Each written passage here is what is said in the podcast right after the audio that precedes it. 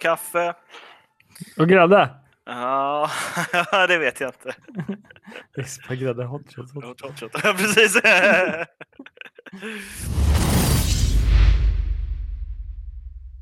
Ja, välkomna till Racing Sweden Podcast. Eh, ni lyssnar till Martin Lagus och idag har vi Jonas Fors med oss. Eh, Hej! Ja, visst är det det. Ja, men det är alltid roligt att, att, att komma in i, i andra poddsammanhang än eh, där jag vanligtvis gömmer mig så att säga. gömmer dig online? Gömmer mig så publikt jag kan egentligen. Nej, men eh, jag driver ju Nascar-podden tillsammans med Linus Broström, Sveriges kanske största Nascar-fan. Och eh, ah, man tittar på en hel del motorsport också eftersom att jag är ganska aktiv i den själv. Exakt. Alltså, lite kort om jag får dra, fyll, fyll på om det är någonting som jag glömmer. Men, eh, kontrakterad eh, Nascar-förare i Fast Track Racing som ursprung ifrån North Carolina. Stämmer. Och med 12 stycken rekord om jag har räknat eh, korrekt. Ja, 12 svenska i alla fall. 10 av dem är väl nordiska. Eh, när man tittar på eh, det jag åstadkommit under den korta tiden som jag spenderat i, i Stockholm i USA. Då. Eh, fantastisk början, drömbörjan och vi är inte så många svenskar som, som har gjort Nascar-karriär eller försök där borta. Jag är väl den fjärde i, i ordningen efter eh, Nick Jönsson, Mattias Ekström och Alex Danielsson. Då. Så det är ganska namnkunniga namn som har varit där. Men eh, jag, jag, tycker att den typen av racing är fantastisk, kulturen är underbar och det är en helt annan del av motorsporten mot vad vi europeer generellt sett är vana vid. Det är ju en outforskad eh, liksom, del som vi måste prata om lite, i synnerhet apropå att du är med och eh, i synnerhet på att det är en väldigt intressant kultur inom racing. Ja, nej, men det, man skulle kunna jämföra den kulturen ganska mycket med attityden som man har i, i vissa delar av gräsrotsracingen i Sverige, att man, det, det är väldigt öppet, man pratar med varandra. Eh, du umgås med dina konkurrenter på fritiden och ehm, din teamchef och den teamchefen som du eventuellt diskuterar om att köra för nästa helg, de har grillfest på söndag och, och där diskuterar de huruvida de tänker släppa en eller inte. Så det, nej men och framförallt så, så utgår ju mycket av den sporten ifrån just eh, Charlotte eller Mooresville då, eh, utanför, Nor eh, utanför Charlotte i North Carolina. Så att folk bor i närheten av varandra, de kommer oftast därifrån också. Kan, kan, kan, kan det vara lite som att finnar tar beslut i bastun så tar eh, Nascar-förare beslut vid bar barbecuen? Ungefär så skulle jag väl kunna säga. Och inte bara så kör du ju själv, utan du har också en hel del eh, involveringar, vad ska jag säga, fingrar med eh, när det gäller online racing. Ja, det, det vart tråkigt när det vart corona. Nej, men eh, eh, egentligen redan sommaren innan eh, pandemin började rapporteras om så började vi titta på hur, hur vi kunde engagera oss online eh, och ehm, vi började fingra på det som blev Force Esports till, till en början som skulle vara liksom en digital avspegling av det jag gör i racingen. Så vi tog kontakt då med de som var vassast på Nascar eh, i, i simulatorracingvärlden för att racingsimulatorerna har kommit så pass nära eh, verkligheten idag så att man kan få ut ganska mycket av det. Eh, jag själv tränar mycket starter och racecraft och sådana här saker, bara ren vana. Och känner väl att jag får ut någonting av tiden som jag lägger där så länge jag tar det seriöst. Och nu när Force Esports har blommat upp rejält så eh, lämnade jag över det från att driva det teamet också då till eh, att eh, öppna en racingserie, Svenska e-racingligan tillsammans med vår partner Esen E-sport AB då i, i Bromma. Och, Sjukt coolt. Ja, nej, men det, det har varit en häftig resa och eh, Svenska e-racingligan då som vi eh, sänder eh, kommenterar jag varje torsdag tillsammans med min kommentatorskollega eh, Robert eh, Robski eh, Elfström. Mm. Och, eh, nej, men det, det, är väldigt roligt och man får se en helt ny del av motorsporten. Och för att det här är en motorsport enligt Svenska Bilsportförbundet, går under virtuell bilsport. Och, Coolt. Ja, men förbundet är involverade också eh, på många sätt. Och en av de som sitter i utskottet för virtuell bilsport, Niklas Falk, eh, som vi kallar för Prod-Niklas, sitter och producerar bakom oss. Så det, nej men, eh, det har varit väldigt intressant att se och vad som har hänt med eh, motorsporten under just covid när man inte kan vara på banorna som vanligt. Liksom. Just det. Och rätta, eller berätta för de som inte riktigt kan uh, basen upplägget, det är att ni kör iRacing? Eller? Jajamän, och det, iRacing är ju en av eh, de större plattformarna egentligen. R-Factor 2 är en annan och Assetto Corsa Competition är en tredje. Men det, det, är väl de tre som man brukar säga är det som ligger närmast verkligheten och det som man eh, rubricerar högst och närmast det man kallar för simulatorracing. Och det, det är en viss skillnad mellan simulatorracing och, eh, och bilspel. Bilspel kan du köra med kontroll, simulatorracing då måste du ha ratt och pedaler och, och sådana där saker för att någorlunda kunna hänga med överhuvudtaget. Coolt. Och det är så, så att om, om det är någon som är sugen på att börja med det här själv så, så vad bör man tänka på när det gäller budgetering? Vad, om jag vill sätta igång, lite sugen på eh, Nascar och iRacing, hur, vad är liksom startinsatsen man bör budgetera för för att komma igång? Alltså egentligen så kan du gå in på en grupp som heter Simracing eh, hårdvara på Facebook och sen så säga hej jag vill börja, jag vill ha det billigaste möjliga. Och eh, då kan du få komma in eh, och få ratt och pedaler egentligen som funkar ganska bra till en början för någonstans runt 3000 kronor tror jag. Okay. Så har du ratt och pedaler i alla fall. Och du klarar dig på enkel skärm och så där så att jag tycker så här, håll kostnaden ner så mycket du kan till en början. Jag menar, du gör det för att det är roligt. Ehm, det är också, tycker jag, för alla er där ute som tycker att motorsport och racing ehm, är, är livet, så är det här också ett sätt att eh, expandera sin passion lite grann, att man får leva ut den lite mer. Man får faktiskt ratta och sådana där saker. Och jag är ju så otroligt tacksam till alla som håller på med iRacing och kör eh, ovalracing där på, eh, på iRacing, för att de förstår hur ett ovalrace fungerar. De förstår vad, vad utmaningen med att svänga vänster 200 gånger innan man tar målflaggen, vad det handlar om. Liksom. Mm. Um, så det är, det, det är mycket allting runt omkring. Man får en djupare förståelse för det man tittar på och jag tycker, tror att man kommer tycka att, att titta på racing uh, är mycket roligare efteråt. Just det. Så det, man skulle rent potentiellt, om man både är F1-fan och tycker att uh, Nascar Indycar är intressant, eller e-racing eh, generellt, så kan man utgå från en PC och installera både Formel 1 och iRacing och vara med och tävla online.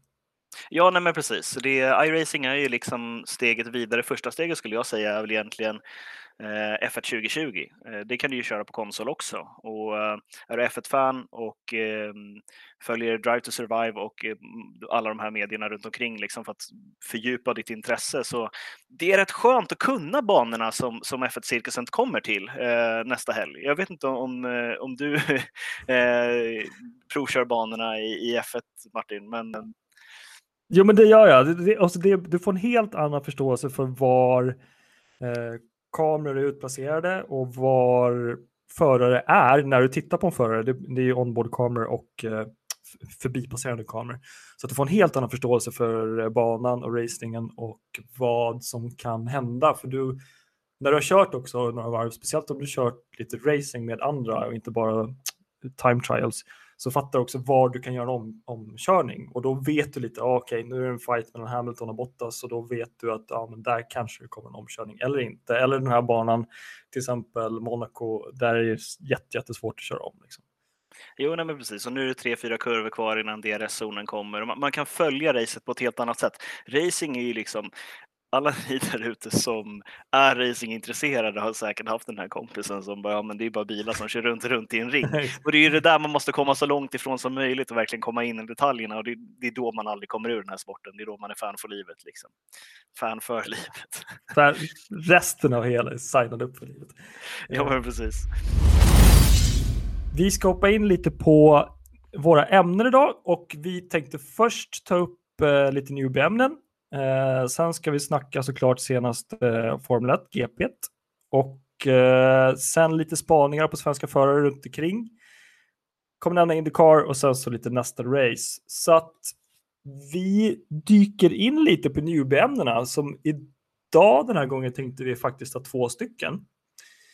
Eh, och ena blir sprintrace och den andra blir eh, track limits. Mm. Så Uh, sprint race. Fyll på här om det är något som jag missar. Men Absolut. vi kommer nu få sprint race under Silverstone. Kommer det bli. Uh, och lite jag ska förklara lite basen hur det kan funka då med ett eh, sprintrace. Det ser ut så att vi har två stycken eh, sessions eller två stycken delar på fredagen. Eh, den första delen kommer vara en träning. Eh, så det är 60 minuter träning, helt normal träning. Eh, andra delen på en fredag, det kommer vara ett kval. Och det kommer vara utformat så som det är Q1, Q2, Q3-format. Så det är ganska normalt eh, kval kan man säga. Och det kvalet sätter startpositionen för session nummer två på lördagen. Så här kommer lördagen då. Eh, lördagen ser ut så, så att du först börjar med en vanlig träning, 60 minuter. Och sen har du då själva sprintracet. Eh, så att eftermiddag, sent på lördagen, kör ett sprintrace. Eh, kvalet är redan gjort då, för det gjordes i fredags. Eh, och sprintkvalet kommer vara ett litet race på lördag eftermiddag och det kommer vara ungefär 100 kilometer, ganska exakt 100 kilometer race. Och då är det liksom race, full on race med vanliga flaggor och en eh, start och alla får fightas eh, normalt. Och sen hur man då eh, placerar sig på det racet avgör starten på söndagens riktiga race. Så det är lite hur ett eh, sprints, sprintkval-weekend kommer funka, eh, kort och gott. Eh, så det har debatterats, beskrivits och eh, undersökts höger och vänster. Det är första gången i världshistorien vi har sprintkval, den här typen av eh, sprintrace, eh, en, en sån helg i F1. Har gjorts andra, andra sporter, rätta mig om jag har fel. Eh, men det kommer bli sjukt kul och eh, se vad det kan ge för frukt. Och om det kommer bli lite mer fighter på, på lördag eftermiddag. Där. Var, har du tankar Jonas? Massvis med tankar.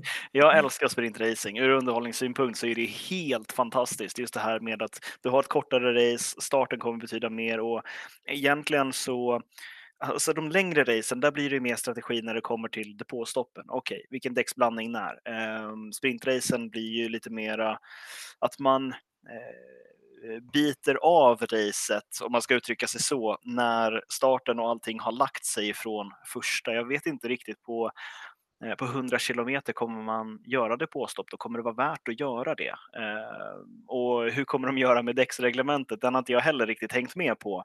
Eh, kommer man köra dubbla utav den mjukaste gummiblandningen man får köra då under helgen och så vidare. Men eh, sprintracing, det, är är också någonting som juniorerna är ganska vana vid från Formel 3. Eh, framförallt när de kör så här, tre eh, raceformat under helgerna. Och eh, Eh, generellt sett så skulle jag kalla F1 för sprintracing. Alltså de, de, de, de, mm. de långa racen, jag vet inte hur långa de är, om de är någonstans runt 250 kilometer eller något sånt där, eh, skulle jag fortfarande kalla det för ett sprintrace för att de racen är lite kortare, men de är fortfarande längre än många annan, annan racing så att säga. Men eh, ja, flika in. Nej, men, precis, nej, men det, det kommer bli jätteintressant eftersom jag tror om jag rättar mig med fel så har vi ungefär 300 kilometer ett eh, vanligt race. Eh, cirkus, vad brukar det vara, två och en halv timme, två timmar ish, eh, beroende på. Eh, du har ju alltid ett däcksbyte under ett normalt race, eh, två i många fall. Eh, så att 100 kilometer kan du, kan du, jo, du har ju nog statistisk möjlighet att göra det på en, eh, på ett sätt däck eh, hårda däck om du väljer det. Alltså, det är klart det kanske blir en chansning beroende på vilken bana, vilka temperaturer etc. etc vilka, eh, alla, alla, alla faktorer är invägda. Så du har nog möjlighet att ta det på, på ett, en, en körning utan att byta däck. Men eh, jag antar att de flesta kommer byta däck i alla fall en gång. Eh, jag har inte sett några regler som, som innefattar att du måste byta däck under ett sprintrace. Ehm, så du har det, det som är roligt är nu tror jag att de flesta teamen sitter och kalkylerar, vilket är jättesvårt. Du, du måste ju liksom väga in temperatur och alltihopa och det mm. finns ju inte färdigt. Och du har ingen mm. träningstid heller så du kan inte bara, okay, men nu går vi ut och så kör vi skiten inom citationstecken ur mediumdäcken och se hur länge eh, håller de? Och sen så går man ut och gör samma försök igen. Okej, om vi sparar däck, kommer vi klara oss på det? Kommer det gå fortare än att dyka in på lite mjukare gummiblandningar? Det är det här som reglementet gör, så, gör det så svårt för F1-teamen att, att kalkylera saker innan och det är det jag tror kommer vara otroligt underhållande för oss som tittar på racen. Apropå underhållning och den här nya for formatet så har vi lite grönflaggor delat ut sen senare på, på vissa organisationer, men det, det kommer vi till sen. Hur känner du inför sprintracen Martin? Bra fråga. Um, du känns lite jag, delad. Ja, alltså jag är så diplomatiskt försiktig tills vi har testat det en gång. Uh, nej, men jag, jag, jag vill säga att jag tycker det är bra. Uh, mycket för att uh, jag inspirerades av Extreme E. Det var första gången jag verkligen har djupdykt i en, ett helt annat typ av format. Och så här, generellt sett när man kastar om formatet på en helg och gör, skapar en större utmaning för teamen, eh, då tycker jag det är kul. Då tycker jag det är bra. Eh, jag älskar när teamen måste tänka till. Ja, absolut älskar jag, om vi bara pratar F1 då, behöver sig inte bara prata F1, men eh, en förares eh, kapacitet att eh, använda sitt material till max Mm. Men jag älskar också hur teamen eh, måste vara agila. Nu kanske det är för att jag jobbar som agil coach, men eh, jag tycker verkligen om att man som team måste tänka om och eh, anpassa sig efter rådande verklighet. Um, och det tror jag att teamen måste göra nu i det här formatet och de måste ta in tidigare data som de har om, på dessa banor, men också vara väldigt försiktiga med hur, tillförlitlig, eh, hur mycket tillförlitlighet man lägger i den datan. Liksom. Mm, mm.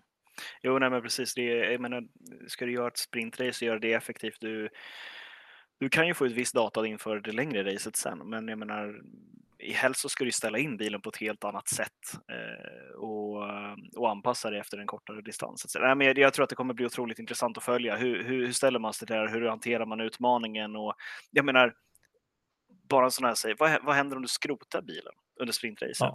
Hinner teamet Exakt. få ihop en ny bil, reservbil och så vidare? Och hur ställer sig F1 till det? Vi kommer ja. komma in lite grann till hur eh, Imola-situationen mellan Bottas och Russell påverkar Mercedes långsiktigt den här säsongen. Men det tar vi lite senare tror jag. ja men exakt. Det kommer bli det som jag hoppas är att det sätter ännu mer press på en förare att äh, agera äh, både aggressivt och äh, defensivt vid rätt situation i ett sprintrace. Mm.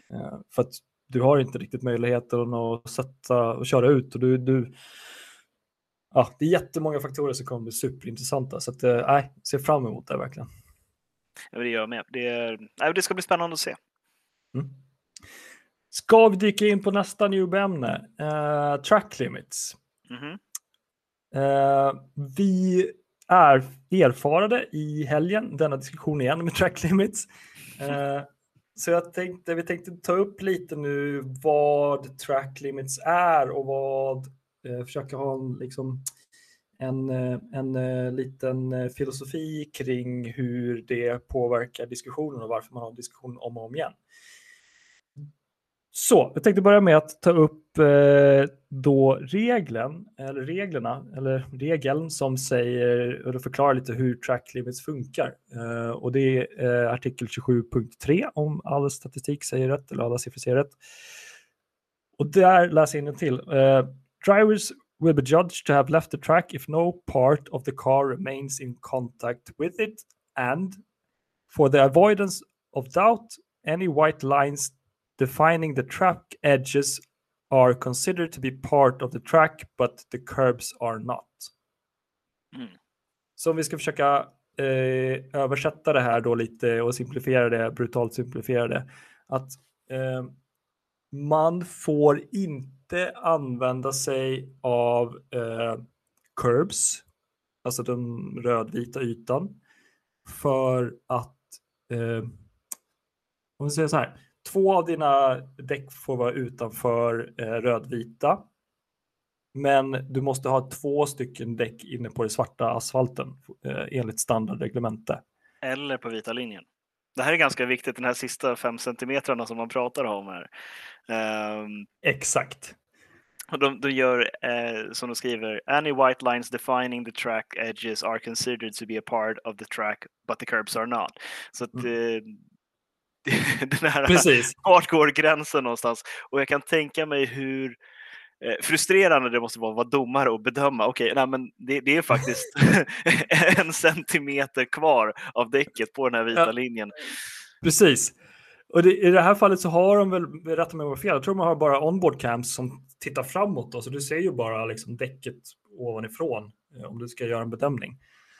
Um, men senaste GP så hade vi uh, uh, en tillåtelse av domarna att använda sig av hela rödvita curbsen för att använda banan. Det vill säga att man fick frångå den här vita linjen som finns mellan mörka asfalten och rödvita curbsen. Mm. Så man fick frångå den vita linjen i vissa kurvor. Eh, så det var undantag på regeln här. Ja, nej men det, det är ju domarna på försammanträdet som beslutar liksom hur de banspecifika reglerna ska se ut. För att jag menar, curbsen kan ju se väldigt olika ut. Jag menar, har du eh, en curb på yttersidan, yttersidan som är väldigt hög till exempel, då kan du slå sönder golvet om du fortfarande ligger enligt reglementet med ena hjulparet på, på vita linjen så att säga. Um, och sen så kan det ju ske av säkerhetsskäl också. Exakt. Och eh, det fanns lite kommentarer om att varför gör man det inte bara så pass enkelt så att man säger att inga däck någonsin någon gång på någon bana ska vara eh, utanför den vita linjen, det vill säga den vita linjen mellan rödvita och svarta asfalten. Varför brutalt simplifierar man inte och säger bara att är du utanför så blir du bestraffad? Eh, och det skulle man väl kalla, alltså rent eh, så här, svartvitt kunna bara applicera en sån regel och sen så är du dömd. Men eh, det ligger, jag vill påstå här, eh, och det är min egen åsikt, att det ligger lite i Formel 1s eh, DNA att inte vara så pass svartvit utan att du ska ha en, en möjlighet som förare och som team att göra bedömningar. Och sen så är det ju lite så också att eh, på många banor så finns det ju väggar. Eh, I dessa fall så behöver du inte sätta upp en så pass hård regler så att för då kommer ju föraren så att säga straffa sig själv om man är utanför där. Mm. Eh, och i många fall så finns det också grus så att då får du också ett, ett större sport, en sport, ett sportvärde av att så att säga tillåta att folk kan eh, glida utanför linjen där för att du kommer straffa dig själv genom att åka ut i sandfållan mm. eller gräs eller liknande. Så att det kommer ju vara en större möjlighet att få eh, en, en, ett sportvärde i att eh, så att säga tillåta att folk åker utanför banan genom att de åker in i sandfållan och straffar sig själva på det sättet. Ehm, och därför tror jag man, eh, gissar jag, det är min personliga antagande, att man sätter upp track limits i vissa kurvor och säger att just den här kurvan får du inte gå utanför och just den här kurvan får du inte gå utanför. Men här borta där är en vägg, där kommer vi inte ha någon eh, regel på track, track, limits för att det är, en vägg, det är en vägg där. Liksom. Så du, du kör där om du vill. Ja, nej, men jag, jag, tror att mycket av det här, den här diskussionen, eh, i alla fall senare år, kommer ifrån att körstilen har förändrats. Man har insett att eh, från början så hade man ju regler kring track limits gen, på grund av att du, du ska inte gena på banan. Eh, inga genvägar liksom. Eh, och nu mer handlar det om att du ska hålla bilen innanför banan ut ur kurvorna. Att du får inte bära med dig för mycket, kar, kart, för mycket fart eh, genom, eh, genom kurvorna på ett helt annat sätt. Och, och, det kommer ju mycket med de här nya bantyperna som vi har sett bland annat i Mellanöstern. Då. Så det är intressant faktiskt att man skaffar sig ja. ett nytt problem. ja, och det, om vi jämför med andra sport eller eh, racingserier, till exempel Indycar, så har du inte alls samma, vad ska man säga, hårda domar eh, du har inte samma liksom, hårda, hårda följder, följder enligt reg, reglementet eller reglerna, utan du tillåter i stort sett förarna att kunna ta en vidare linje, större linje om de kan, eh, om de kan nyttjas av det så att säga. Så att man har en, en man släpper in mer sportkomponenten där. Att oh, oj, kan du glida ut så gör det. Då får mm. väl alla göra det. Liksom. Jo, det tror jag är generellt för amerikansk motorsport också. Tittar vi på Nascar som jag är ganska uppdaterad i, eh, så får vi också liksom använda hela banan så länge vi inte är inne i murarna när det kommer till road courses i alla fall. Och tittar vi på det man alltid har sagt på de försammanträden som jag har varit med i STCC-sammanhang, det är ett par år sedan, 2016 senast, eh, så pratar man om mitten av bilen och där har man ju en annan definition. Så det skiljer sig lite grann eh, beroende på vilken cirkus man är involverad i. Eh, och det kommer ju också ifrån vilka typer av banor som man kör på också tror jag och vilken racing man vill ha. Mm. DNA hos olika racingsporter helt enkelt, som man kan beskriva det. Ja, alltså tittar vi på curbs, alltså curb betyder egentligen trottoarkant och vi ska rakt mm. översätta det rått till svenska. Och, och det är så här, ja men trottoarkant, men tittar vi på hur europeisk motorsport eh, började, och nu, nu pratar vi 1870 här, motorsporten är äldre än fotbollen faktiskt. Första racet var innan den första officiella fotbollsklubben öppnade. Eh, och det är någonting som jag tjatar om till alla som jag träffar. Hallå, vi har funnits längre. Nej, men eh, så Um, där hade man ju faktiskt trottoarkanter, i alla fall när man kom in genom städerna. Um, och i många fall då så hade man också en, en eh, pacebike, så att det var någon som eh, tog emot bilarna när de kom in i stan och så, så cyklade han framför, trampcykel då, och så, så fick man inte köra om cyklisten. um, men när man kom väl ut på, på, på de lite nyare banorna så la man faktiskt trottoarkanter på insidan också. Och jag menar, pratar vi på, på 50-talet så, så tålde inte bilarna att köra på dem överhuvudtaget. Och um, då hade man det som avgränsning såklart. Uh, men uh, bilarna blev bättre och bättre och banorna blev bättre och bättre och nu har vi det problemet som vi sitter med och pratar om just nu. ja. Ja, det, ja, det, det är ändå en ganska kul diskussion tycker jag. Det är många som kan bli lite, lite vad ska jag säga, snälla bestäm någonting bara så kan vi bara, vi fans följer. Men jag tror, jag, tror jag, jag, tycker det ska vara kvar den, den möjligheten för förare att kunna eh, nyttja möjligheterna när det finns att ta ut en, en sväng eller inte. Det, Lite kreativ frihet. Jag, jag är nog för det också faktiskt. Ja, jag tycker det. Istället för att vi, annars gör man det för enkelt för oss fans. Då, då har vi ingenting att prata om. Var han utanför eller inte helt enkelt. Ja, exakt. Bra, men då har vi lite betat av det ämnet. Ska vi tillåta oss att hoppa in på senaste racet? Ja. Portugal. Mm -hmm. Vi har lite flaggor att dela ut och eh, jag tänkte börja med att dela ut en flagga. Okej. Okay. Uh, jag tänkte ge en gul flagga till Fernando Alonso. Varför då? Därför att vi har Alonso som ändå har uh, med sin erfarenhet. Jag vill klassa honom som en seniorförare med en tung erfarenhet. Vi har en Championship i bältet. Uh, han har inte presterat i kvalen så som Esteban Ocon har gjort. Mm. Fernando Alonso tar sig vidare, visserligen till Q2, absolut. Det börjar hända saker med alpinbilen. Eh, men han stannar på en trettonde plats i kvalet och vi har Ocon på en sjätte plats eh, i kvalet och Ocon tar sig vidare till Q3. Vi kan absolut börja filosofera om det finns en första och andra förare i, i alpin. Eh, vi kan börja filosofera om eh, Fernando Alonso har tappat sin gunst som eh, spanjor och eh, Racer. Men orsaken till att jag tar upp en gul flagg, det är ju dels för att han inte presterar så snabbt. Det kan ju absolut bero på bil, bilinställningar etc. etc. Men eh, att han får en gul flagg är ändå för hans, eh, nu säger jag mot mig själv här, sin torr och sin vilja eh, att eh, sätta omkörningar i racet.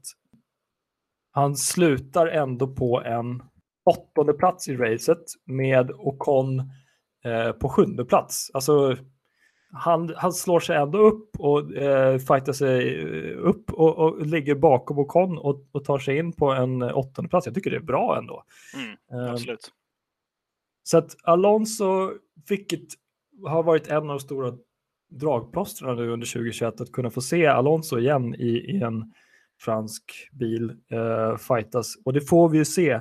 Så jag tycker det är väldigt kul och samtidigt så blir man lite så här, ja, eh, med tanke på hur mycket han pratar om sin prestation, eller har pratat om sin prestation innan han kom in nu under 2021, så, så tycker jag att han kanske borde satt eh, tydligare eh, mätbara resultat med sin teamkamrat. För nu har det varit off i, kvalen. Men bra racecraft ändå, Alonso. Men får jag flika in lite grann där? Please do. Ja, alltså om vi tar liksom tidsmaskinen tillbaka till eh, år 2010 så, så såldes ju Braun GP till Mercedes GP och då hade vi en förare i form av Nico Rosberg och en annan senior förare i form av Michael Schumacher. Eh, och Schumi underpresterade i race in och race ut mot Nico Rosberg. Och ehm, där var ju Schumachers egentliga... Jag, jag, jag ser en likhet här. Eh, Alonso ja. kommer tillbaka till Formel 1. Schumi kom tillbaka till Formel 1 och eh, hade väl egentligen... Jag, jag, tror att Alonso sitter på samma stol som Schumi gjorde där. Bygg teamet. Ta din erfarenhet och bygg upp det. Och lär ut så mycket som möjligt eh, till, eh, till Ocon egentligen i det här läget i, Alonsos fall. Mm. Ehm.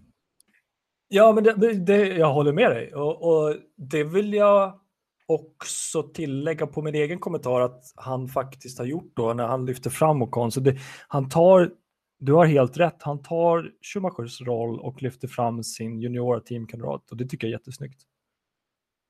Vi får helt enkelt se vad som händer i framtiden. Jag tror inte att Alonso kommer att vara kvar där eh, superlänge. Eh, men jag tror inte att Alonso kommer lämna teamet efter att han slutar köra. Jag tror att han kommer finnas kvar där som någon form av ledargestalt för att det finns en viss aura runt Fernando Alonso. Det kan man inte det, det finns ju det egentligen två, i alla, i alla fall två, vad jag kommer på just nu. Det är Alonso och Kimi Räikkönen vill vi gå in i en managementroll i respektive team sen efter de har lagt ner. Liksom. Mm. Det skulle vara sjukt kul att se. I alla fall en gul flagg där till Alonso. Eh, sen så kommer en uttjatad eh, människa. Eh, jag tänker ge en grön flagg till någon och det är, jag, det, det är kul ändå att vara i den tidsepoken vi är i och se Hamilton eh, fightas så som han gör. Jag vill dela ut en grön flagg till Hamilton eh, i huvudsak för att han nu är i en fas eh, som jag skulle vilja påstå är ganska lik fasen som han var emot Nico Rosberg. Det vill säga att eh, vi har två stycken toppförare, Max Verstappen och även fast jag är öppet lite anti-Max, absolut, eh, bäst, bäst kanske. Sådär. Eh, vi har Max Verstappen och Hamilton på en, en, en pinnacle eller på toppen av ett isberg just nu och presterar på sina max. Eh, de levererar på max båda två förarna när eh, jag vill påstå att Max Verstappen har också gjort fel eh, under de här eh, GPs eh, som vi haft hittills. Eh, men Lewis Hamilton vill jag dela ut en grön flagg till nu för att han eh, fixar sina fel som han orsakar. Eh, han gjorde dels en dålig omstart eh, bakom Bottas och en helt okej okay start då, absolut eh, och var nere på tredje plats. Men han har en så otroligt fin racecraft att han räddar sig upp eh, till första plats och han vinner racet.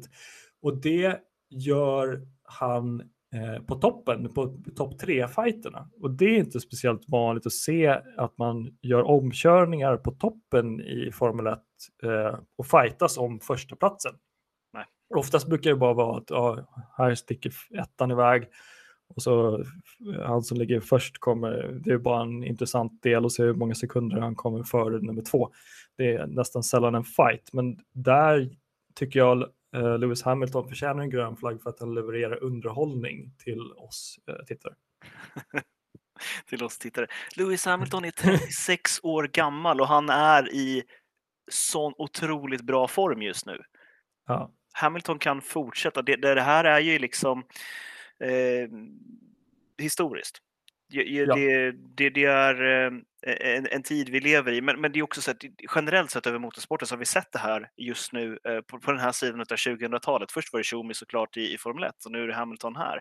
Men eh, vi har ju även doktorn i, i MotoGP, vi har eh, Jimmy Johnson som precis eh, avslutade sin karriär, vi har eh, Greatest of All Time i Indycar just nu. Liksom, så det, mm. vi, vi är ju i en del av motorsporten just nu där vi har ett gäng giganter som, som sätter sig, skriver in sig i historieböckerna och skriver över sina namn mot, mot, andra tidigare. Men det är just det här som är lite intressant med Verstappen som är desto yngre mot Hamilton. Eh, och Hamilton som har både talangen, erfarenheten och eh, dagsformen som krävs för att bli världsmästare en gång till. Vi ser det gång på gång, helg på helg. Och, eh, det här året i Formel 1, alltså, det är fantastiskt att se. Och jag är väl inget Hamilton-fan och jag är heller inget Verstappen-fan. eh, men det, ehm, det går inte att argumentera emot eh, det Hamilton lyckas med just nu. För att när du, har väl egentligen den här grundhungern när du kommer in i Formel 1 och sen så är du där för att du har talang så att säga. Men när du börjar kliva över 30-årsgränsen, då är det ren illvilja som det går på. Hela tiden hitta den här hungern och den här motivationen som krävs för att hela tiden bli bättre. Ja, exakt. Jag är också jätteimponerad. Och, alltså, när du nämner hans ålder så börjar jag tänka på Micke Schumacher som vi vet har lika många eh, championships eh, just nu som eh, Lewis Hamilton. Micke Schumacher slutade 2012 om jag har kollat rätt eh, i Mercedes och han mm. var då 43 år gammal när han slutade köra Formel 1. Eh, det betyder att eh, Lewis Hamilton har sju år kvar om man ska mäta sig med Schumacher då, som jag tycker man får. sju år kvar att köra Formel 1 och han redan i år kan ta eh, åttonde världsmästerskapstiteln. Så bara om man vill fortsätta i fyra år till så har eh, det, finns, det finns en så extremt stor möjlighet att, att skapa rekord som, eh, som borras fast som en järnspik i berget och du har ju föga få chanser att kunna slå hans rekord sen. Men så är det, så är det absolut. Det, det går någon gyllene gräns vid sju tydligen. Eh, så som jag har förstått motorsport generellt sett. Men, eh, men det är inte så konstigt heller. Jag menar, du är i en sport och du har din eh, vad ska man säga, bi biologiska eh, peakperiod så att säga. Och i motorsporten så handlar det ju så mycket om politik och sitta i rätt bil vid rätt tillfällen. Och, och Hamilton har prickat in det med McLaren Mercedes, var det väl 2008? Eller är jag helt ute och cyklar? Um, det ska och, vara 2008 tror jag. Ja, 2008 är det. Uh, men om det var McLaren det kommer jag inte riktigt ihåg. Uh, jag var lite för rödfärgad vid den perioden. kollade på röda bilen. Precis, det var det enda jag såg när jag kollade F1 mm. då. Uh, men, ehm, men sen efter då Mercedes, vilket team. Alltså det, de har lyckats otroligt bra med med hela den uppbyggnaden. Men jag, jag, jag håller helt med, grön flagg till Lewis Hamilton. Mm. Sjukt kul. Jag tror jag försvinner vidare på min nästa flagga. Mm -hmm. Den tänker jag också vara grön. Jag är väldigt grön, det är fint. Men eh, den tänkte jag dela ut till eh, sonen till honom vi nyss har pratat om, Mick Schumacher. Um, det blir absolut eh, lite enklare att ge en, en grön flagga när man har en teamkamrat som kanske, vad ska jag säga, li, lila flaggor, röda flaggor. Eh, men eh, Schumachers prestation tycker jag ändå bör sätta sig i ljuset. Han, dels så kvalar han ju bättre än sin eh, teamkamrat. Eh, och sen sätter han ett, ett raceresultat som är på 17 plats. Eh, så han tar då eh, Latifi, Maspin och och Räikkönen i race, racecraft helt enkelt. I en has som vi alla vet är eh, tillverkad med en budget som eh, är väldigt skral.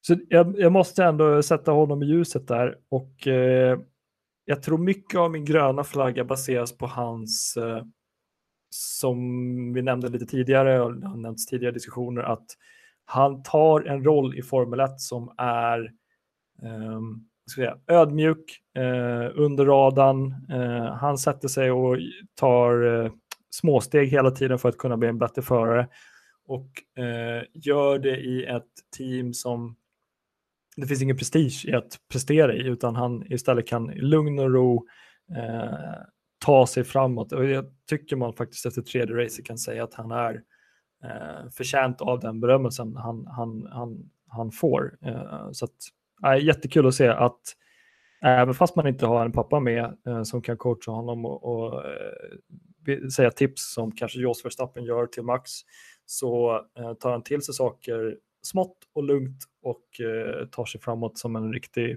professionell F1-förare tycker jag.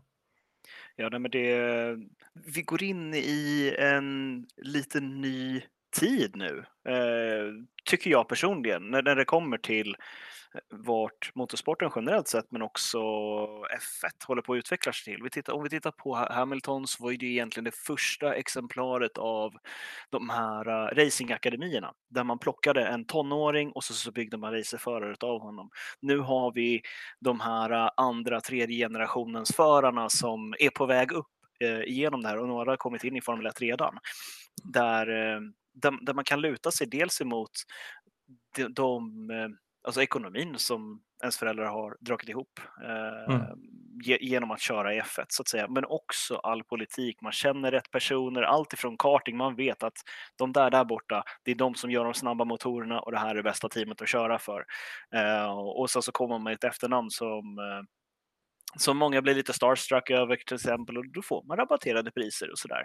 Så det är mycket lättare att ta sig fram om du har ett, mm. vad ska man säga, inom citationstecken adligt racingnamn, om man ska kalla det så. Kungligt till och med. Ja, men det blir, blir ju lite grann så. Och ja. För min egen jag, jag tycker att det är, det är häftigt och även som, som konkurrent till några av de här namnen. Eh, jag eh, har själv raceat mot ett av Richard Pettys barnbarn och han är känd som the king i Nascar. 200 vinster, sju mästerskap, mm. legend liksom. Eh, man blir lite psykad av det. Ja. Och, eh, men framförallt så blir man väldigt bekräftad om man lyckas slå de här personerna för man vet vilken uppbackning de har. Men jag vet inte riktigt. Jag ska inte eh, svära på Bibeln om, eh, om jag kastar ur med någonting här nu. Men jag tror inte att Shumi och Mazepin har samma förutsättningar när det kommer till teamet, vad som händer där bakom. Eh, Exakt. Riktigt. Och mm. då blir det lite lättare att, att slå sin teamkollega såklart. Eh, mm. Och det här eh, har vi väl hört ryktas om när det kommer till våra svenska ambitioner inom F1 och, och vad som hände i Alfa Romeo och sådär. Eh, det, det, det, tar inte bort någonting ifrån eh, från Schumacher egentligen just nu, utan han gör sitt jobb där han ska göra det. Han lär sig köra F1-bil och jag menar F1 är någonting helt annat än all annan motorsport för att du har en fabrik som bygger bilen du ska köra. Ja. Om vi, om vi gör så här, vi försöker brutalt simplifiera eh, kulturen eller, eller eh, situationen vi filosoferar kring. Och det är att det finns två stycken chefer i ett företag. Eh, en heter Mazepin och en heter Schumacher. Eh, vi har en av de cheferna som är, vi, vi leker med tanken att vi, vi eh, förarna är chefer över sitt eget stall och coachar sina, sina, sina mekaniker. Eh, Finns det då en möjlighet att en av dessa chefer eh, får eh, enklare att coacha sitt team? Ja, absolut, det är klart att det finns det. Eh, kan det ha att göra med att eh, en av personerna är födda med ett namn eh, som också har en vad ska man säga, sympatisk kultur med det namnet eh, klingande, det vill säga Schumacher, typ kungen av eh, F1. Absolut. Eh, så jag, jag, tycker inte det är eh, naivt att förklara det som att eh, en av förarna kan få en, en kulturell fördel i vissa fall när man pratar om att få, i synnerhet ett team som Haas, att man har begränsad budget. Och då gäller det lite ibland att ska vi testa en ny del så kanske vi bara kan beställa en av de här delarna först och främst och testa den på en bil och då kanske vi, vi ger den först till en av förarna och vem, vem kan det vara då om vi har en en av de cheferna eller människorna som är bättre på att ge feedback till sina racingingenjörer. Jo, det kanske vi sätter det på just den här bilen. Så det är väl inte alls eh, konstigt att, att, att filosofera kring att det kanske finns en första och andra förare fortfarande på, på vissa sätt. Formellt eller informellt, det är en helt annan diskussion. Eh, men det är kul att se jag tycker det är kul ändå att eh, reflektera över den här kulturen som två stycken eh, förare kan skapa. Och det här har ju Bottas och Hamilton och eh, Verstappen och Perez och alla har ju en, eh, absolut olika sätt att eh, anamma en kultur. Eh, Ricardo och Norris, absolut. Jo, nej, men det, jag, jag, tycker att Haas-teamet är ganska intressant att hålla ögonen på i år. Um, ironiskt nog med tanke på var de ligger till i um, vad heter det, ställningen just nu. Men vi ska tänka oss Haas F1, det ägs av Gene Haas. Gene Haas är också delägare i Stuart Haas Racing i Nascar just nu. Det går inget bra ekonomiskt för Haas-teamet i F1 och Stuart Haas Racing gör sin sämsta säsong på många, många år som team i Nascar just nu. Och där går liksom lite diskussionerna kring, är det F1-teamet som suger ur alla, eh, alla medel just nu för att man ska försöka få det här och komma över näsan över vattnet? För du måste få prispengarna eh, som F1-team eh, för att få runt verksamheten. Och just nu så är det en rysk och en tysk och eh, Gene Haas då som ska försöka lösa det här. kulturer, kulturer. Alltid kulturer. Men, och det, jag tycker det är intressant att följa Haas också från det perspektivet att se hur det går med deras business eller deras team. Så att mm. säga. Det, tycker jag, det är ingen som pratar om det kommer att finnas pengar till McLaren eller Mercedes. Eh, det, ja, det är inte så intressant att följa. Men det är egentligen kul att följa det teamet ur den aspekten att hur kommer det gå för teamet? Kommer de ha råd att köra klart i år? Eh, blir det en Caterham av alltihopa? Man måste gå i konkurs. Eh, nu har vi ju då en eh, bil med ungefär en rysk flagga på sig så att det verkar finnas pengar då. Men eh, då har du ju en kulturkrock antagligen att hantera. Sjukt kul. Sjukt kul att se på, kanske lite jobbigare att betala för. Exakt. Men jag har faktiskt kanske... en grön flagga också Martin, om jag får gå vidare. Kör, kör. Liberty Media som köpte Formel 1 och rättigheterna till. Jag tycker att de gör ett fantastiskt jobb med att provocera serien för att få, få upp underhållningsvärdet lite grann. Um, till minst, när, jag, när jag slutade titta på Formel 1 eh, för, för, en kort period, det, det, var när man började använda virtuell säkerhetsbil. Mm. Det här systemet de hade då att man eh, sänkte eh, farten till en bestämd hastighet, alla bilar skulle fylla det och man då skulle behålla de här eh, avstånden mellan bilarna som man har byggt upp. Um, finns väl lite andra begrepp för det. Uh, inom uh, långloppsracing så pratar man ibland om code 60, att det är bara 60 km i timmen du får hålla som toppfart över hela banan när det hänt en stor olycka och sådär. Men mm. eh, det um, virtuell säkerhetsbil tycker jag, eh, jag hade en diskussion på Solvalla med en av mina sponsorer när jag körde där 2000, måste ha varit 2015. Så tyckte jag, men här med säkerhetsbil, ja men vinnaren, eller ledaren, han har ju dragit ifrån, han har ju skapat sig en fördel och nu helt plötsligt så blir han av med den. Det är väl inte riktigt sportsligt korrekt. Eh, mm. Men jag hävdade det, eh, STCC och den typen av racing gjorde det är ju sprintracing, det är 20 varv som ska gå fort eller 30 varv eller vad man nu hinner upp till. Mm. Ehm, det handlar ju om att du ska kunna racea också. Det handlar om att du eh, får din eh, strategi ifrågasatt. Hur, hur, hur agila är teamet? Hur, hur förändringsbenä alltså, hur snabba är man på att göra om beräkningarna? Liksom? Eh, och I synnerhet de här gångerna när man har säkerhetsbil ute på banan under upptorkande situationer eller under regn och sådana saker. Du kan sitta och göra simuleringar på att banan torkar upp så här fort när vi har de här bilarna som är ute och kör. Sen kör inte bilarna fort längre. Vad gör vi då för någonting? Um, så det, det, det, sätter ju kniven mot strupen lite grann mer när det kommer till eh, en säkerhetsbil som samlar upp hela fältet. Vi såg ju några omstarter under eh, förra säsongen, gigantiska krascher och sådana här saker och, och, för att man tolkade fel och eh, omstartade fel och sådär. Men generellt sett, det handlar inte bara om säkerhetsbilar. Så jag tycker att Liberty Media gör otroligt bra ifrån sig att prova nya saker och våga göra det. Eh, för det kändes som att F1 var på väg att växa fast lite grann med, eh, Eh, med Bernie. Och, eh, det var, jag, jag, har fått så mycket mer av Formel 1 än vad jag förväntat mig eh, av det här ägarbytet. Jag måste hålla med på till 100 procent och på alla sätt. Eh, väldigt samtyckande podcast här. Men anyway, eh, Jo, absolut. Eh, och de som, saker man behöver lyfta upp det är transparensen. Eh, Liberty Media tillåter folk att vara inne och filma i paddock och bland teamen på ett helt annat sätt. Eh, man har sett eh, social media-filmer som, som dyker upp där man eh, aldrig trodde, trodde tidigare att man skulle kunna liksom se när meckarna, de har ju vissa censurer såklart, vissa klipp märker man att de tar bort på känsliga delar som motordelar och sånt där. Så dels det och så dels hur teamen på sina egna Instagrams förklarar deras strategi de har haft tidigare race. Mm. Du har eh, vad ska jag säga, fanengagemanget med Driver of the Day. Eh, du har eh, mycket mer du, du skapar en trans, de har skapat en transparens och en öppenhet i Liberty Media som gör att man engagerar målgruppen mer.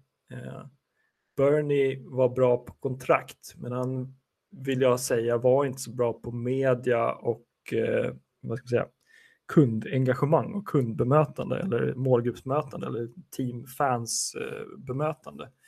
Eh, utan han tillgodosåg businessen eh, på ett väldigt bra sätt, absolut. Ehm, så jag håller med. Liberty Media, eh, tumme upp, grön flagg. Egentligen ingenting ont att säga om dem just nu faktiskt får se vad som händer helt enkelt. Men sen ska vi också tänka på det. Bernie var ju en, eh, en son av en annan tid så att säga. Ja. Och eh, det har hänt så otroligt mycket kring sport generellt och hur man får ut så mycket av upplevelsen som möjligt med sociala medierevolutionen som vi har haft här. Och det är många serier som inte, och mediebolag runt omkring eh, serierna som inte mm. riktigt har vetat.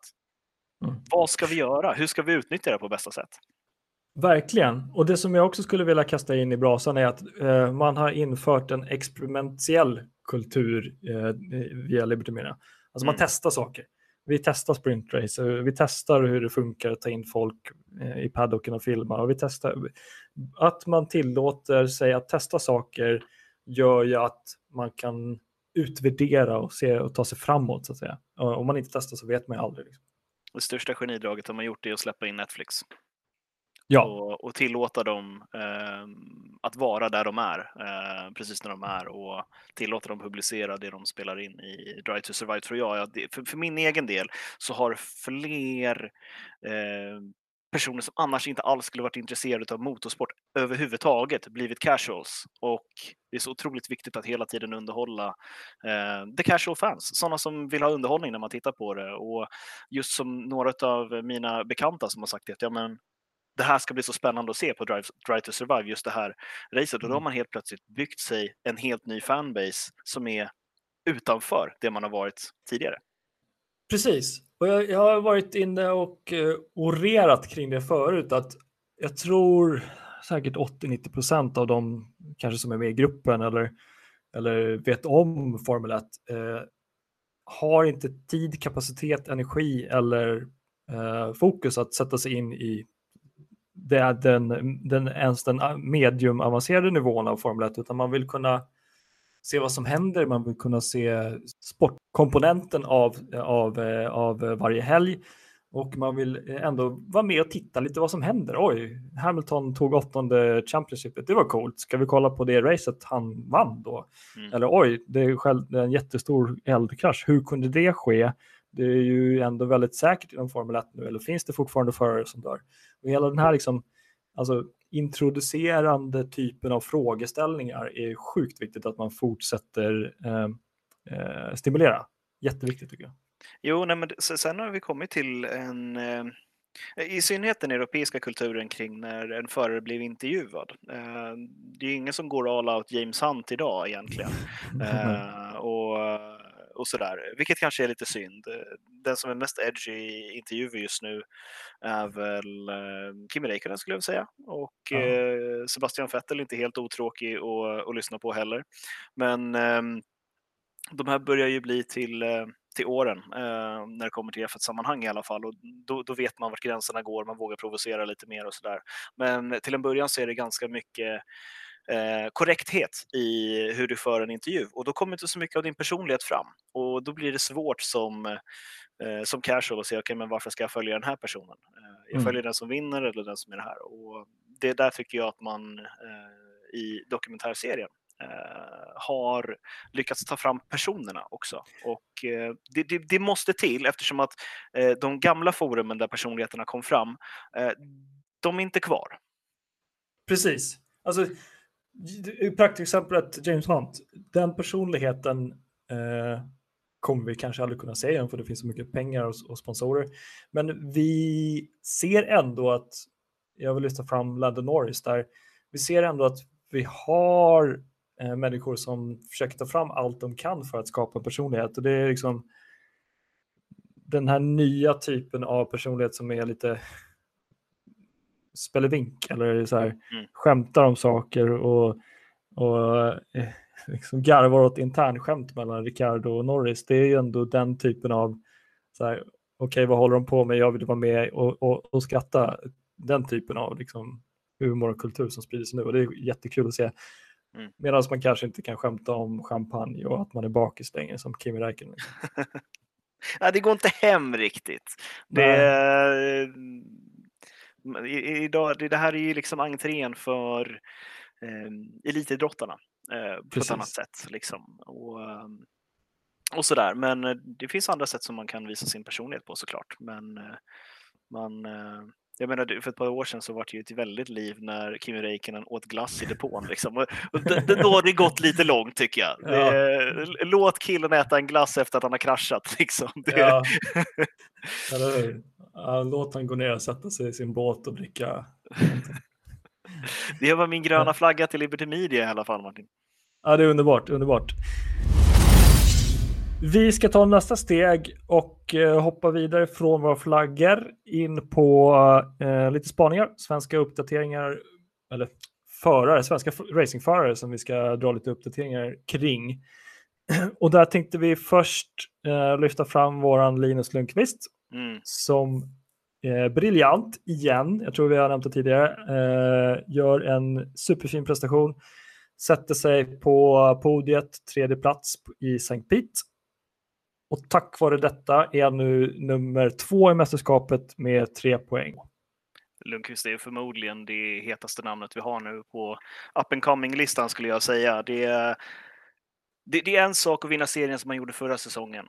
Det är en annan sak att ligga topp tre i Indy Lights från ingenstans. Jag hade absolut inte för, för, förväntat mig det här utav, utav Linus. Alltså, han är generationen, eller så, årgången under mig, så att jag har ju sett den här unga herren växa upp och så där. Han har alltid varit snabb och eh, han har mognat så fantastiskt väl alltså. Det är um, hatten av till, till Lundqvist Management, hatten av till han själv, vilket arbete han gör, vilka uppoffringar han måste göra för att ha, ha tagit sig dit han har tagit sig nu.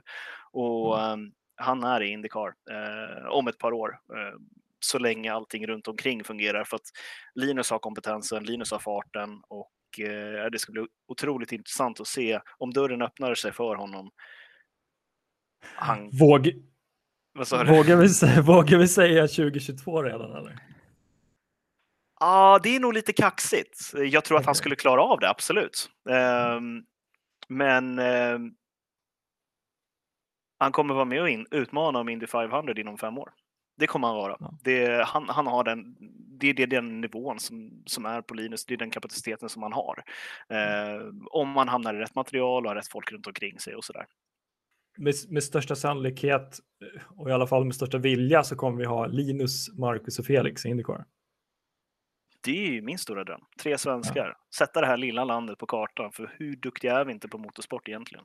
Ja, och sen så sätter vi alla tre på podiet så att vi har svenska flaggor överallt. Liksom.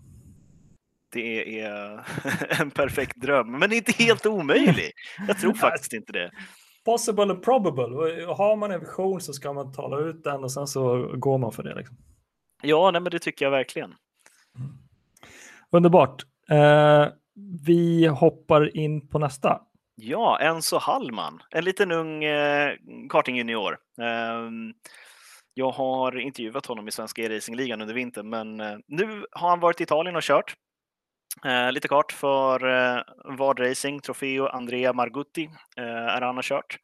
Och eh, 50-60 bilar totalt, ganska stort race eh, i Italien. Eh, och han kom 24 i finalen, nu är han tillbaka i Sverige och ska köra lite vidare. Det ska bli jätteintressant att se vad Enzo tar vägen i fram, framtiden. Han är 13 år, så det är många år kvar innan det blir racerbil för honom. Men alltid kul med så pass unga som provar på att köra utomlands. Och som vanligt hatten av till, till Ward Racing. Jag menar hur många racerförare har inte passerat just det teamet när det kommer till karting Sverige? Det är verkligen något som vi ska hålla koll på. Sen har vi ju The Beckmans också. Jessica och Andreas som eh, faktiskt är klara för WTCR. Det är eh, för er som har följt motorsport i flera år, eh, det som man idag skulle kunna säga är dagens startning på VTCC. Så Touring Car Racing, det här är det första syskonparet någonsin att köra WTCR. Jessica är den första kvinnan någonsin att köra WTCR och eh, jag har väl ganska mycket kontakt med eh, Andreas Bäckman generellt sett och eh, jag vet hur otroligt hårt de har jobbat med för att få ihop det här. Det är ett stort steg att gå från ETCR till, eh, till världsmästerskapen och eh, det ska bli kul att se vad de kan göra tillsammans med Hyundai eh, som är mm, företaget som de samarbetar med, eller biltillverkaren då. Och eh, det ehm, jag kan tänka mig att det blir, det blir väl ett litet läroår i början. Man ska komma in med team och eh, köra i världen och eh, den här omställningen från att inte bara köra i Europa och um, jetlag och sådana här andra mm. saker som man kanske inte riktigt tänker på. Um, nej, men det ska bli otroligt roligt att följa dem. Sjukt kul. Det måste vi tune in, vad heter det? skruva in, eh, Absolut. växla upp. och det är lite kopplat till det. World Rallycross Championship eh, bör vi nämna. Under 2020 så hade vi upp till nionde position, alltså topp nio då, så har vi sex stycken svenskar. Så det är Anton Marklund, eh, nionde plats, Robin Larsson sjätte, Kevin Hansén femte, Timmy Hansén tredje, Mattias Ekström på andra och nummer ett Johan Kristoffersson. Så att vi kommer dra igång den serien 2021 och bör ska följa våra svenskar där med, för där har vi väldigt stort uh, gulblått intresse. Ja, men det är bara ett par veckor kvar. Det är 22-23 maj på spa, alltså rallycrossbanan. De kommer inte köra och rouge med de här bilarna och sådär. och eh, ja, bröderna Hansen ska bli intressant att följa eh, och se vad de hittar på om de nu gör ett ytterligare försök på rallycross-serien eller vilka det är nu som kan dyka upp och köra där. Ehm. Det kommer bli så sjukt peppat sportår. Vi ska också hoppa vidare på absolut våra Indycar-förare. Eh, Vad ska man säga? Inte bröderna höll jag på att säga, men eh, våra, våra fighters. Eh, tyvärr, eh, vi kan rapportera lite. Första maj eh, placeras Marcus 19 i racet, Felix 13. Racet den 2 maj, dagen efter, kom Marcus 12 och Felix 16. Eh, vi har igen, om man ska vara så öppen, en besvikelse på depåpersonalen i alla fall från Marcus sida att eh, däcket inte satt på korrekt. Och eh, för Felix sida så hade vi ett däck som försvann eller hoppade av eller förstördes under race. Jag vet inte riktigt eh, vad jag ska säga om det. Och eh, det alltså, jag håller väl med varenda svensk där ute som följer Indycar att det är otroligt frustrerande och det var någon som skrev i, i, i gruppen, i alla fall Indycar-gruppen, att det inte är dags för svenska medier att börja ställa teamen mot väggen. um, det är ju alltid lite känsligt att, uh, att göra det uh, av lite, få, lite olika anledningar. Dels är det så här att um, ja, media kan göra det, svårare som förare att ställa dem mot väggen, men sen är det också så att de, här, de tävlar ju om prispengar. Teamen ser ju att de mm. förlorar pengar när de gör så här. Och uh, man vill inte ha en förare som drar till sig negativ publicitet eller liksom en belastning för teamet så att säga. Mm. Så att eh, det jag kan säga till alla er där ute som är Marcus eller Felix eller båda fans, liksom, eh, skriv till teamen, eh, skriv, eh, beskriv er besvikelse, men säg att ni hejar på dem ändå, att ni stöttar dem när det går tungt för teamen också. Och eh, Det är precis det som depåpersonalen också måste, följa, måste få känna, att fansen är med dem även när de gör ett misstag. För att jag menar som som förare eh, på, på ett race som Texas, jag vet de hade väl en 200 varv på sig att göra bort sig förarna där man kunde göra några misstag. Men ett depåstopp som du har tre stycken försök på dig under en helg och du gör ett litet, litet misstag så får det så katastrofa, katastrofala liksom följder. Um, jag tror att vi försäkrar oss om att ha kvar våra svenskar i Indycar om de känner att de svenska fansen, de stöttar deras förare, de stöttar även teamen eh, när det går, går som sämst så att säga. Eh, så att det finns en trygg hand i fanbasen i alla fall att kunna luta sig mot, även om vi självklart är väldigt, väldigt frustrerade. ja, det älskar mig som mest när jag behöver det som mest. Ungefär så. Ja, men lite så. Vi, för att sno Mercedes eh, F1-teamets motto, vi vinner ihop och vi förlorar ihop. Och det, en förare, speciellt svensk förare, behöver våran stötsning nu för att kunna ge energi till det teamet. För att det, det snabbaste och bästa sättet att komma ur en negativ spiral är att eh, ändra sin attityd och eh, försöka något nytt.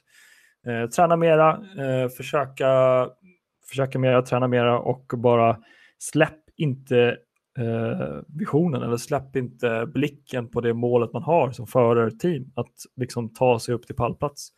Ehm, och det är just nu man ska bita ihop. Eh, så att vi behöver det som eh, racefans och bara absolut, det går dåligt. eh, suck it up, eh, nästa helg kör vi igen. Liksom.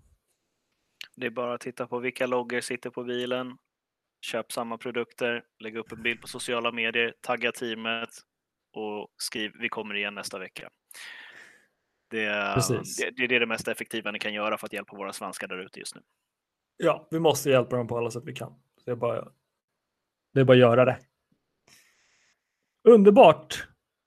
Vi ska runda av lite, tänker, tänker jag, tänker vi, och snacka lite nästa race som händer. Mm -hmm. Spania, Espania. Alonso kommer trivas. Ehm, um, F1 Aranco Grand Premio de España. Ursäkta mitt uttal, alla ni spansk, uh, spanska arvingar. Um, men det kommer bli jättekul. Eh, klassisk bana som de har skurit om en kurva på. Eh, så vi kommer få lite andra varvtider, lite andra utmaningar och lite andra hastigheter i den kurvan. Eh, sen nästa Indycar eh, kommer vara 14 och 15 maj. Eh, GMR Grand Prix kommentar på Spaniens GP? Mm. Barcelona, eller hur? Barcelona. Ja, fantastisk bana. Eh, jag har inte varit där på plats. Jag varit utanför arenan. Det har jag däremot varit eh, när jag var lite mindre. Nej, men det, är klart att det är härligt Ehm, Ehm, att vi har den här Europasvingen just nu eh, i, i F1. Och det är såklart tråkigt att man inte kan fylla upp läktarna och sådär. Men det, det ska bli fantastiskt intressant att följa eh, just den här duellen mellan Verstappen och Hamilton såklart, eh, leda debatten, men även att kunna djupdyka lite grann i eh, hur, eh, hur det ser ut inom Ferrari eh, såklart. Ehm, ja, mitt intresse för dem har väl svalnat med åren lite grann. Men, eh, men också som vi tittar på, hur kommer det gå för Mazepin? Hur kommer det gå för Schumi? Eh, kommer det fortsatt vara väldigt stora skillnader mellan dem eller ehm, kommer de jobba ihop sig eh, närmare varandra så att säga? Och, ehm, och även då följa lite Alfa Romeo. Varför är det här intressant? Varför är det intressant att, att, att följa liksom det som händer i Ferrari? Ehm, svaret på det är Dino Beganovic, vår svensk som är i Prema och i Ferraris akademi just nu. Ehm, det, det är väl egentligen det. Vi, vi vill ju se ett starkt Ferrari när vi får en svensk tillbaka i F1. Precis. Vi bör börja heja på sekvenser eller situationer som gör att vi Dino kan få en lättare eh, inträdesbiljett till, till en Ferrari. Absolut. Eh, därtill dess Ferraris eh, Children Team, barnteam, hur säger man? Ferrari, alla Ferrari-kopplade underteam. Ja, satelliter eller samarbetsteam eller hur man nu vill uttrycka sig. Exakt. Eh, någonstans där Dino kan eh, sätta sina första steg eh, i en eh, Ferrari-bil. Sina första rullande däck mot asfalten. Eh, det ska bli sjukt kul. En annan fight som jag skulle vilja följa upp också i Spanien är Perez och Verstappen. Absolut. Kommer det Kommer det fortsätta vara Verstappen som totalt äger eller har vi en Perez som verkligen utmanar Verstappen? Um, sen vill jag hopp, kanske mer hoppas än vill, um, att Kimi börjar uh, leverera på en annan nivå, nivå mot eh, uh, Giovanazzi. Um, ehm, ja, det, det, det, är ändå lite, det skär ändå lite att se att uh, Kimi inte har vad ska man säga, materialet eller strategin till sin fördel för att kunna vad ska man säga, totalt eh, vinna mot sin teamkamrat. Så det, det, skulle vara jättekul att se lite tydligare signaler där från Kimmys sida att det går bra. Men vi har också hela spektrumet att Kimmy kanske hoppeligen tar en teamledarroll eller någon slags teamcoachingroll alla Niki Lauda i framtiden. Så det, det behöver inte alls vara så att han måste prestera i år. Absolut. Det verkar se ut som så lite grann på, på lite olika delar av Formel 1 just nu. Att, eh, dels så har vi Räikkönen, vi har Alonso också, eh, som teamen lutar sig mot lite grann. Exakt, och sen så har vi Vettel som också skulle kunna ta den rollen. Och där har vi också faktiskt en intressant fight, eller intressant, vad ska man säga? Eh, vi vill se Vettel börja prestera och leverera igen. Eh, eh, kanske mest för, på, på ett emotionellt värde och inte speciellt statistiskt för att vi kan inte förvänta oss väldigt mycket ur en Aston Martin just nu. Men det skulle vara kul att se att Vettel börjar göra inga misstag eller mindre misstag. Det börjar bli allt för idag. Eh, jag tycker vi ska tacka för oss och eh, på återseende, på återhörande. Alltid eh, roligt att få chansen att vara med och prata lite motorsport. Tiden går så fort när man gör det, Martin. Varmt välkommen Jonas igen och extremt kul att ha dig med. Tack för ikväll. Tack. Ja. Hörs. Hej.